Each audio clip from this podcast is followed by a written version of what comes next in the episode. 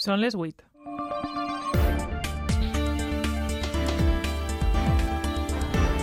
Les notícies de la nit amb Sara Garcia i José Soler.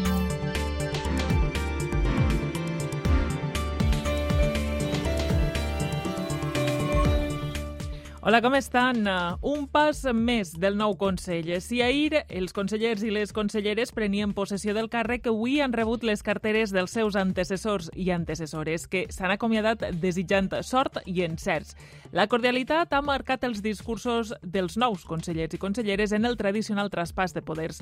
Estas són les seues veus. El reto es ambicioso, enorme, pero yo creo que esto vale la pena. para que sigamos siendo el motor económico de España, que lo somos. modificaremos con, paz- con tranquilidad algunos aspectos de la ley de plurilingüismo. que todos los valencianos, que todos los ciudadanos de esta comunidad tengan acceso a una verdadera justicia. unos sectores que efectivamente conozco porque les he dedicado mi vida profesional Una organización que sea eminentemente sencilla. Y la prueba de que va a ser sencilla está en la nomenclatura de la sanidad, Consejería de Sanidad, sin más. Y ahora vuelvo de nuevo a esta consellería cargada de ilusión y de compromiso para trabajar. Mi área ha sido durante demasiados años silenciada, ninguneada, olvidada. Hemos sido la cenicienta de la cultura. La lucha contra la violencia de género me ha acompañado desde la aprobación de la ley allá por el año 2004. En uns minuts i aprofundim en la notícia d'avui dijous, 20 de juliol. Ara en repassem altres de rellevants amb José Soler. Al control tècnic, Elena Herrera.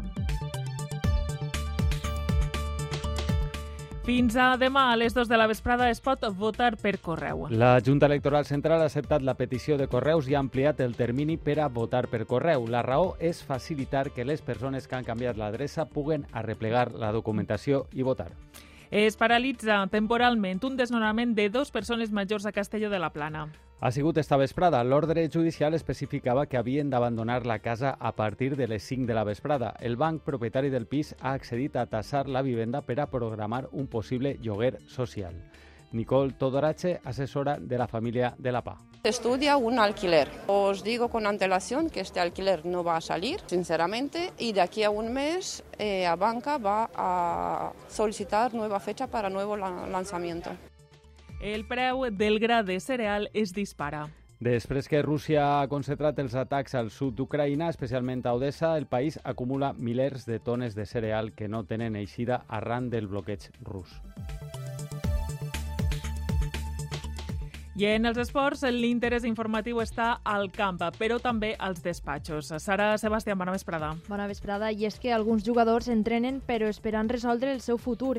És el cas de l'uruguaià Edinson Cavani, pendent de l'eixida del València. De moment, l'uruguaià Marcos Andrés, Samu Castillejo, Rasic i Comer ja no viatjaran demà a Suïssa a l'estada de pretemporada. Pendent del seu futur també Yunus Musa, que en principi viatjarà a Suïssa si no es tanca una eixida. El Milan i la Premier League estaran a la White. En el Villarreal també pendent de l'eixida d'Anjuma, tot arreglat amb l'Everton, on recalaria en qualitat de cedit, però encara no és oficial. Tot això i moltes coses més en uns minuts així, Sara.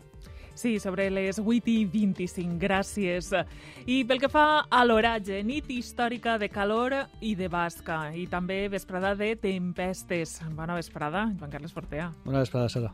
Eh, quina situació tenim a hores d'ara i quines són les previsions? Encara tenim actives algunes de les tempestes que comentes, acaben de passar per la zona metropolitana de València, per la part nord, i han anat cap a la mar, van a molta velocitat, han deixat entre 1 i 2 litres per metre quadrat. Pràcticament el que han deixat és eh, fang, perquè és pluja acompanyada de arrossega la pols en suspensió que tenim damunt de nosaltres. També han caigut fins a 12 litres per metre quadrat a la zona de la vila, cap a Alacant també entre 2 i 4 litres. Han avançat des de l'interior cap al litoral de manera irregular i hores d'ara encara queden actives cap a la meitat sud. Les temperatures d'avui no tan altes com les d'ahir a l'interior, encara hem tocat els 40 però molt puntualment. Ara tenim temperatures entre 30 i 35 graus, la humitat elevadíssima, gran sensació de basca i el que tenim per davant bàsicament és una nit en la que esperem que no siga tan càlida com l'anterior, Eh, com bé comentaves ha sigut històrica, no havíem tingut una nit tan càlida des de que hi ha registres a molts observatoris en el mes de juliol d'Alacant, de València, de Castelló, a l'aeroport de València, o sigui estem parlant d'una nit que no havien tingut temperatures tan altes de més de 100 anys en alguns observatoris que estan en el mateix lloc i que no han canviat. Per tant, si teníem calor la passada nit, podem dir que les dates ens corroboren que era una nit de, de tindre molta calor i molta humitat. Esta pròxima nit serà pareguda, 1 o 2 graus més baixa però la humitat molt alta, i demà El que tenim per davant és un dia semblant al d'avui amb molts núvols de matí, sol al migdia, temperatures no tan altes, entre els 30 i els 35 al litoral, entre 35 i 37, però al litoral la sensació de basca continuarà. I del cap de setmana, el dissabte és el dia de temperatures més baixes de tota la setmana. Mm -hmm. no, vaig, no vaig a dir el dia de temperatures més agradables, perquè farà també calor, Sí. però serà de calor de juliol. Eh, faran molts núvols de matí, fins i tot podria ploure dèbilment cap al sud del Golf de València el matí de dissabte. Mhm. El dissabte serà difícil de veure el sol, però podríem veure alguna ullada. I de vesprada podem tindre alguna tempesta cap al nord de Castelló. Diumenge, igual repetim la jugada, molta basca de matí, molts núvols, més sol al migdia i més calor diumenge i alguna tempesta de muntanya. Per tant, del cap de setmana i dels pròxims dies, divendres dissabte, afluixa la calor intensa, que no la calor de juliol, i a partir de diumenge tornen a pujar. Els núvols no se'n van i la basca tampoc. Així haurem d'aprofitar el cada setmana, que tenim calor normal. Molt bé. Gràcies, Fins Joan ara. Carles. I una informació de servei públic. En l'A3, a l'altura de Bunyol, estan tallats dos carrils en sentit cap a València per l'accident d'un camió. Només està oberta al trànsit el voral dret. La DGT recomana utilitzar la Nacional 3 com a via alternativa, ja que l'A3 hi ha retencions de fins a 3 quilòmetres. Escoltes a punt. Les notícies de la nit.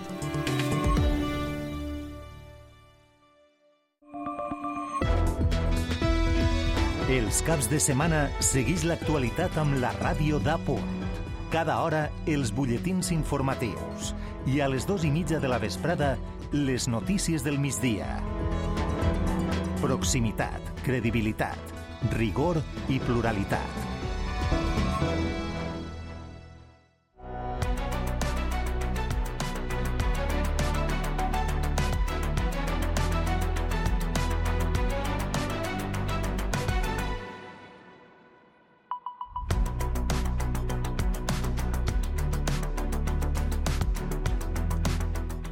Són les 8 i 7. Comencem el relat informatiu i ho fem amb eh, la política, perquè avui ha estat una jornada de traspassos de carteres per al nou govern de la Generalitat. El president Carlos Mazón ha destacat la normalitat i la cordialitat, ha dit, de tot el procés en un dia en què alguns dels nous i noves consellers i conselleres han concretat les seues prioritats. Entre d'altres, la derogació de la taxa turística o en educació modificacions de la llei de plurilingüisme. La Conselleria de Sanitat ha viscut un intercanvi de cartera entre dos metges amics, han dit des de fa 40 anys. Això no impedirà que el nou conseller Marciano Gómez rectifique algunes polítiques. Ell va ser, en governs del PP, un impulsor de l'anomenat model Alzira, però avui no ha concretat si paralitzarà la reversió als sectors públics dels hospitals de Dènia o Manises. Només confirma actuacions a Vinaròs, Ielda i Requena i la recuperació de centres de coordinació d'urgències. El tema de los CICUR de, de Alicante y Castellón, que habrá que rectificarlas de una forma inmediata. Carlos Mazón ha destacat la normalitat i cordialitat de tots els traspassos, també en sanitat, l'única conselleria a banda de les vicepresidències on ha estat present. Porque recuerden, hay dos tipos de consellería, sanidad y las demás. Conselleries com Medi Ambient i Infraestructures amb una prioritat clara de Salomé Pradas. Queremos que esta sea la legislatura del agua. La nova consellera d'Hisenda, eh, Ruth Merino, no volia concretar avui les rebaixes fiscals que podria aprovar demà el Consell. Com a nova portaveu, l'exsíndica de Ciutadans diu que defensarà també les polítiques que porten l'empremta de Vox. Yo estoy convencida que yo voy a saber defenderlas y no voy a tener que mirar hacia otro lado porque el programa de gobierno y el acuerdo de gobierno es bueno. I en Indústria, Comerç i Turisme, Núria Montes, que arriba directament de la patronal Osbec, sí confirma l'eliminació de la taxa turística. Una de las primeras decisiones que tomará este Gobierno será la de eliminar de manera definitiva la ley que creaba el impuesto al turismo sostenible, que era como se denominaba a la tasa turística.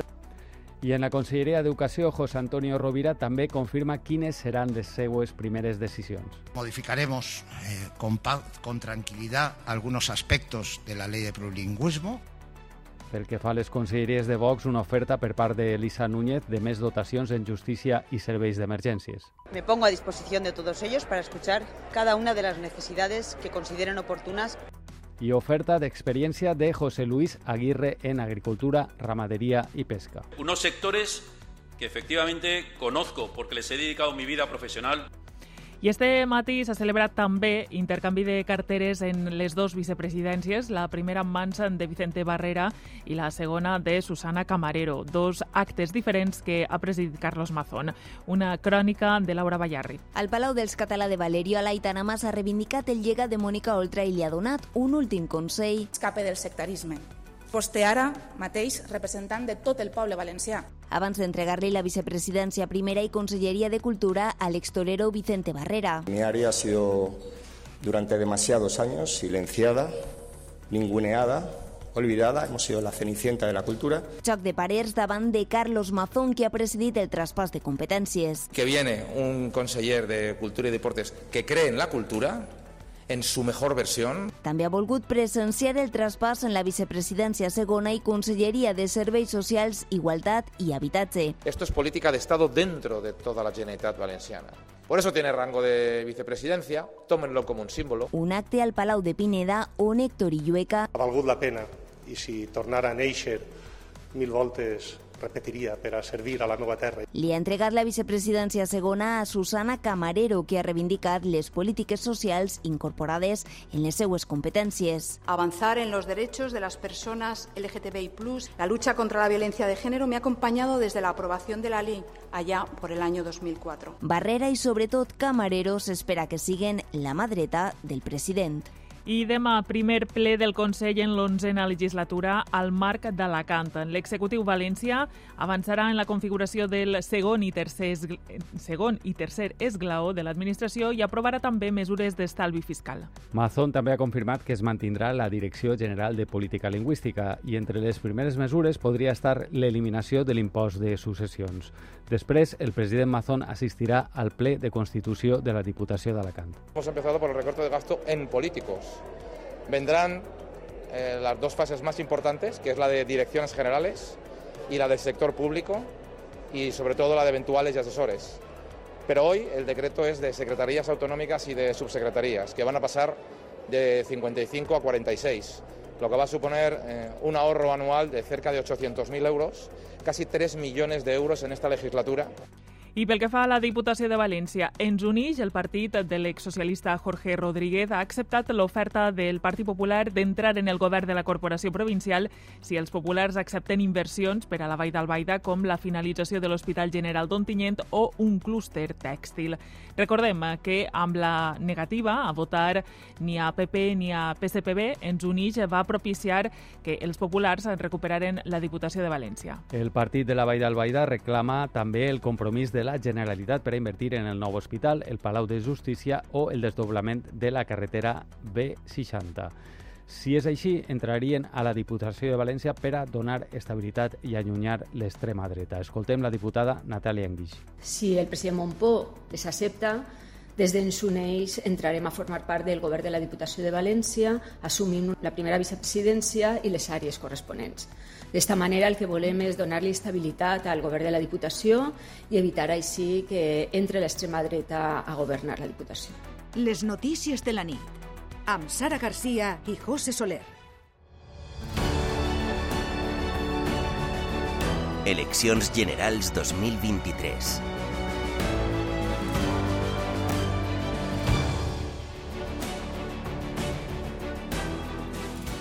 I comencem el bloc electoral, la informació relativa a la campanya d'este 23J amb els temps i l'ordre que marca la Junta Electoral i eh, que no està i no és d'acord amb criteris periodístics.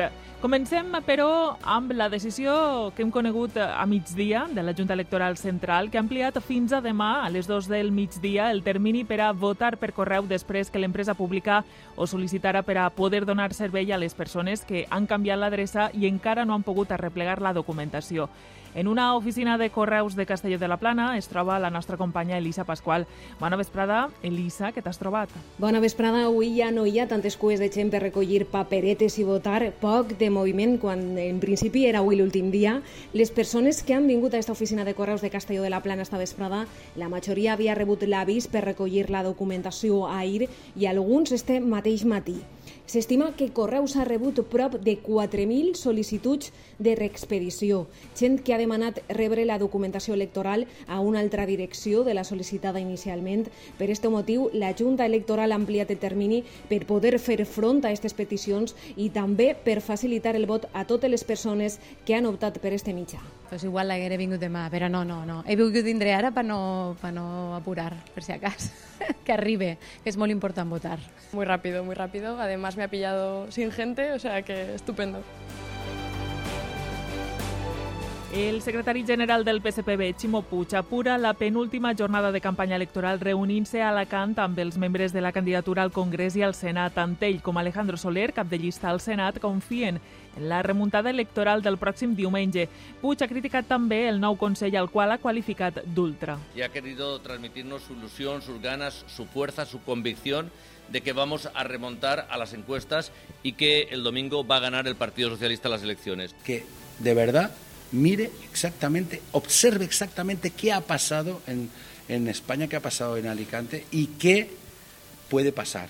No hay ningún voto moderado que puede ir al inmoderado del señor Fijo. Es el consejo más ultra que ha tenido la democracia valenciana. En cualquier caso, yo lo veo siempre desde el respeto, pero me preocupa que no sea integrador. El candidat del PP a la presidència del govern espanyol, Alberto Núñez Feijóo, ha estat avui a València on s'ha celebrat l'acte central de campanya del partit. Acompanyat del candidat al Congrés per València, Esteban González Pons, i del president del partit a la comunitat valenciana, Carlos Mazón, no han faltat les referències a Vox. Realismo a los votantes de Vox, para evitar que el exceso de entusiasmo acabe conduciendo a que le devolvamos el gobierno a Pedro Sánchez. El desanchizador. Que desanchice, buen desanchizador será. Y aquí el mejor desanchizador se llama Alberto Núñez Feijóo. Vox, que junto con Sánchez tiene un objetivo, que el Partido Popular no, te- no obtenga mayoría. El objetivo es que no tengamos mayoría. No vaya a ser que la tengamos y entonces podamos gobernar desde el primer día. Compromís Sumar exigirà augmentar el salari mínim interprofessional i aplicar la jornada laboral de 32 hores. Així ho ha demanat la candidata al Congrés per València, Gueda Micó, que s'ha reunit avui a Castelló de la Plana amb agents socials. La coalició també ha demanat que s'atorguen de manera urgent les ajudes al sector del taulell aprovades recentment. apostar per le- per l'economia i per la indústria pròpia d'estes comarques i sobretot també tot això ha de passar fent una transició ecològica, pujant el salari mínim interprofessional, continuant aprofundint en aquesta reforma laboral que millore les condicions de vida de la, de la gent treballadora. En la recta final de campanya, Vox ha carregat avui contra el líder del PP, Alberto Núñez Feijóo, per no aclarir la seva política de pactes. El cap de llista al Congrés per València, Carlos Flores, ha dit que Feijóo no és fiable. Núñez Feijóo no es un líder fiable. Su política, su política de pactos cuando necesita pactar, es una política oscilante, en la que un día hace un guiño al Partido Socialista y otro día pide gratis los votos de Vox. Si los ciudadanos quieren una alternativa al sanchismo y quieren una alternativa fiable al sanchismo, ya saben lo que tienen que votar. Con el Partido Popular uno nunca sabe qué es lo que va a recibir a cambio de su voto. I els moviments socials valencians han convocat esta vesprada una manifestació a València sota el lema Pels nostres drets, ni un pas enrere, una crida a la ciutadania perquè diumenge vote pensant en avançar en drets. Seguint l'acte està Adelaida Ferre. Convocades pel moviment feminista, 340 entitats i associacions vinculades a l'activisme i els moviments socials es manifesten esta vesprada pel centre de València amb una doble reivindicació. Advertir el nou govern valencià que no estan disposats a fer passos enrere quant a drets socials i, d'una altra banda, mobilitzar l'electorat d'esquerres de cara a la cita de diumenge. L'objectiu de, la, de la manifestació és dir-li al govern valencià que no estem disposades a ni un pas enrere per els nostres drets, que nos tindrà enfront si la cosa continua tal com va, con la censura, con l'eliminació de, de serveis, etc etc. I també per a dir-li a la ciutadania que si volen el, el diumenge que isca un govern igual que el que tenim així, pues no han de votar. Hem escoltat a Càndida Barroso, portaveu de la mobilització ciutadana Ni un pas enrere. I hem de dir que les concentracions d'Elx, Dènia i Pego, que també estaven convocades finalment, no s'han pogut celebrar perquè la subdelegació del govern de la província d'Alacant no les ha autoritzades després de consultar la Junta Electoral Central. Els hem donat la informació relativa a la campanya de les eleccions generals amb els temps i l'ordre que marca la Junta Electoral per a cada partit polític segons les últimes eleccions eh, generals eh, i no d'acord amb criteris periodístics.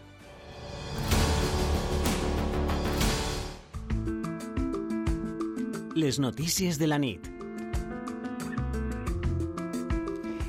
I els contem ara aquesta vesprada s'ha paralitzat temporalment el desnonament de dos persones ancianes i veïnes de Castelló de la Plana que a partir de les 5 de la vesprada tenien l'ordre judicial d'abandonar-la. El banc, propietari del pis, ha accedit a taxar la vivenda per a programar una, un possible lloguer social. Abel Campos. Antonio Galió, de 74 anys, i la seva dona Maria, de 73, respiren un poc més tranquils després que el desnonament s'hagi retardat almenys durant un mes.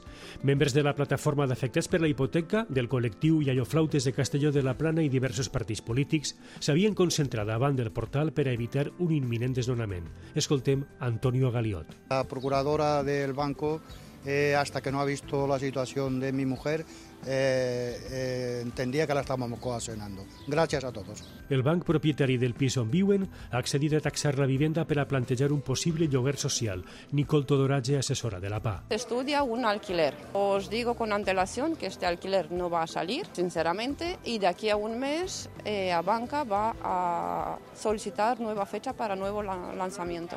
Antonio va demanar un préstec a un banc i des d'aleshores van començar tots els problemes. Nicole. Por los abusos bancarios, prácticamente. Porque ha sido una estafa total. Els familiars d'Antonio i Maria han accedit a comprar el pis al banc, però s'ha negat. De moment, esperen amb angoixa un possible lloguer social. I la BBC, la televisió pública britànica, recomana en un dels seus programes no visitar Benidorm en els mesos d'estiu per, a le, per les altíssimes temperatures. Hi ha altres mitjans britànics que eleven la qüestió i parlen de preocupació per la salut. Per la salut. Això no sembla eh, no afecta el sector hoteler amb dades excel·lents ara i perquè fa temps que la temporada alta del turisme anglès no és precisament l'estiu. Una crònica de Carles González. Bullen les recomanacions dels mitjans britànics de Guardian parla directament de preocupació per la salut d'aquells turistes que pateixen a Europa l'onada de calor. La BBC ho aterra a Benidorm per a parlar de... family holiday. Vacances familiars gens confortables. Però fa temps que sí, la temporada alta per al turisme britànic no és precisament l'estiu. Qui sap molt de la calor que fa sí és Mike Smith, periodista anglès resident a Xàbia que té un periòdic en línia.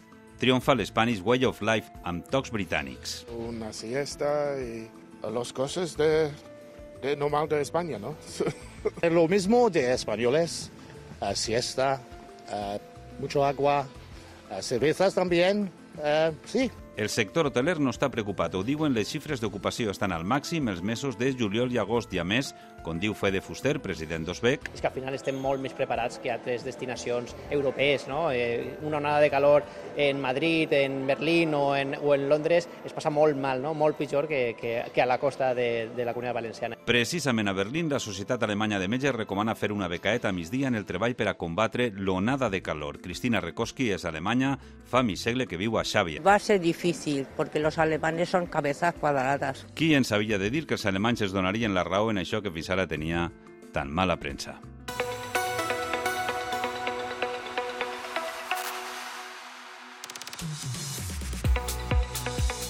I del món els contem que Rússia concentra els atacs al sud d'Ucraïna, especialment a la ciutat portuària d'Odessa. El país acumula milers de tones de cereals que no tenen eixida arran del bloqueig rus. Conseqüència, el preu del gra es dispara, un fet que pot causar una gran crisi alimentària mundial.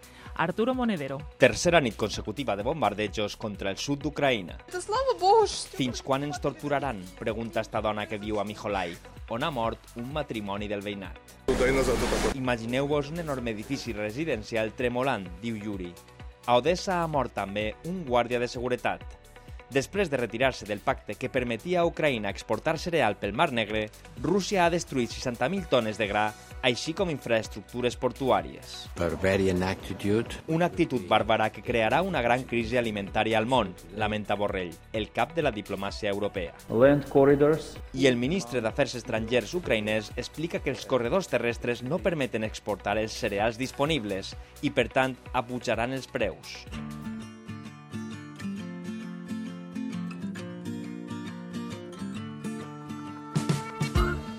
Ja, Xàbia, en poc més d'una hora comença el desembarcament del Bàndol Moro, una recreació de l'arribada de les tropes musulmanes amb disparada d'arcabusseria a duanes de la mar. Allí està Manel Biosca, que serà testimoni d'excepció. Bona vesprada, Manel. Ja està tot a punt? Sí, ja comencen a instal·lar-se les sols cristianes a vora la mar. Esperen armats d'arcabussos les tropes de la mitja lluna que desembarcaran en una hora així a la platja de la Grava, al senyal d'un guerrer musulmà. Estos desembarcaments, al igual que els que se representen en altres llocs de la Marina Alta i Baixa, es basen, a diferència dels morts i cristians de l'interior, en les incursions que els pirates barberiscos feien sobre el litoral valencià, sobretot a partir del segle XVI. Cachidiàbolo, Sinau, Salarraix o Dragut són alguns dels corsaris que fins i tot han deixat noms a la nostra toponímia. I va canviar l'arquitectura a la construcció de les torres de guaita en tota la línia de costa. Un miler de persones participen en aquestes festes. A les 10 serà l'ambaixada i presa del castell per part del bàndol moro. Chema Bengoa és cap d'esquadra mora i encarregat del desembarcament. Haremos un desembarco invadiendo Javea a la orden de, de, la, de la, gente que está, que está invadiendo el terreno, un caballo nos dará una señal y nosotros nos lanzaremos al agua. Alrededor de 200, 250 personas. Hacemos una, una invasión amistosa en principio. Luego hacemos una embajada, invadimos el castillo, hay una presentación, una cosa muy bonita.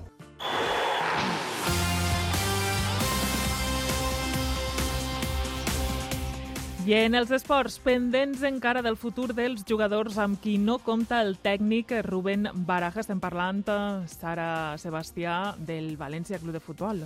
Així és, Sara. El tècnic ha deixat clar amb quins jugadors no compta. Cavani, Castillejo i Marcos André es queden fora de la primera estada de pretemporada que portarà l'equip a Eslovàquia i Suïssa des de diumenge. Tampoc hi estarà Yunus Musa, que junt amb Cavani són els jugadors que sembla tenen més opcions a eixir fins al moment. Els futbolistes i el club hauran de buscar una eixida, ja que tots tres tenen contracte en vigor per a la pròxima temporada.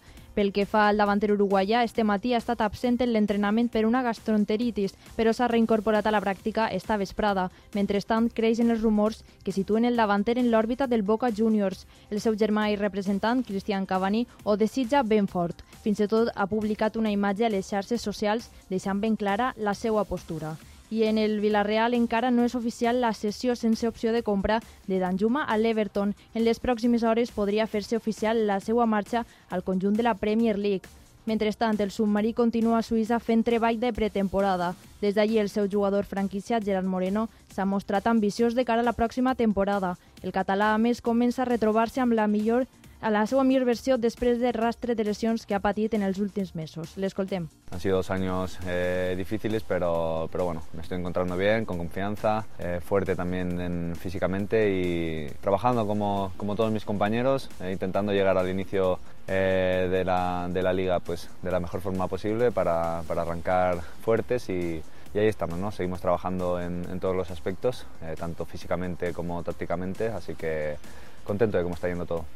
Pel que fa a la resta dels nostres equips, el Castelló avui estan d'aniversari per partida doble. El club fa 101 anys i diu adeu definitivament a l'any del centenari, però a més avui es complís un any de la presentació de Bob Bulgaris com a nou president i propietari del Club Esportiu Castelló. Mentrestant, el llevant avui l'equip ha tingut sessió doble d'entrenament amb el partit amistós de dissabte contra el Nottingham Forest en l'agenda. Dani Gómez i Pablo Martínez continuen exercitant-se al marge del grup i els rumors sobre la possible eixida de jugadors envolten l'equip. Enric Franquesa podria tornar cedit al Leganés mentre que Marc Pubill s'ha convertit en objecte de desig per a molts equips, d'entre altres el Sevilla.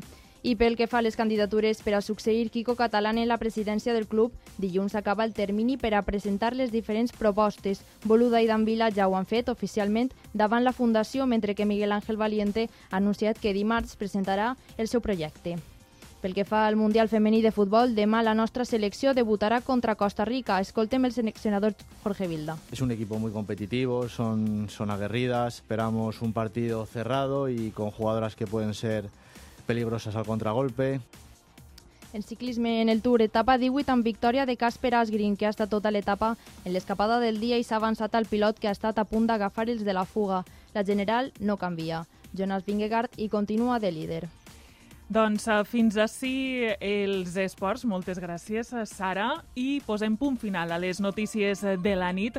Moltes gràcies, com cada dia, per estar a l'altra banda.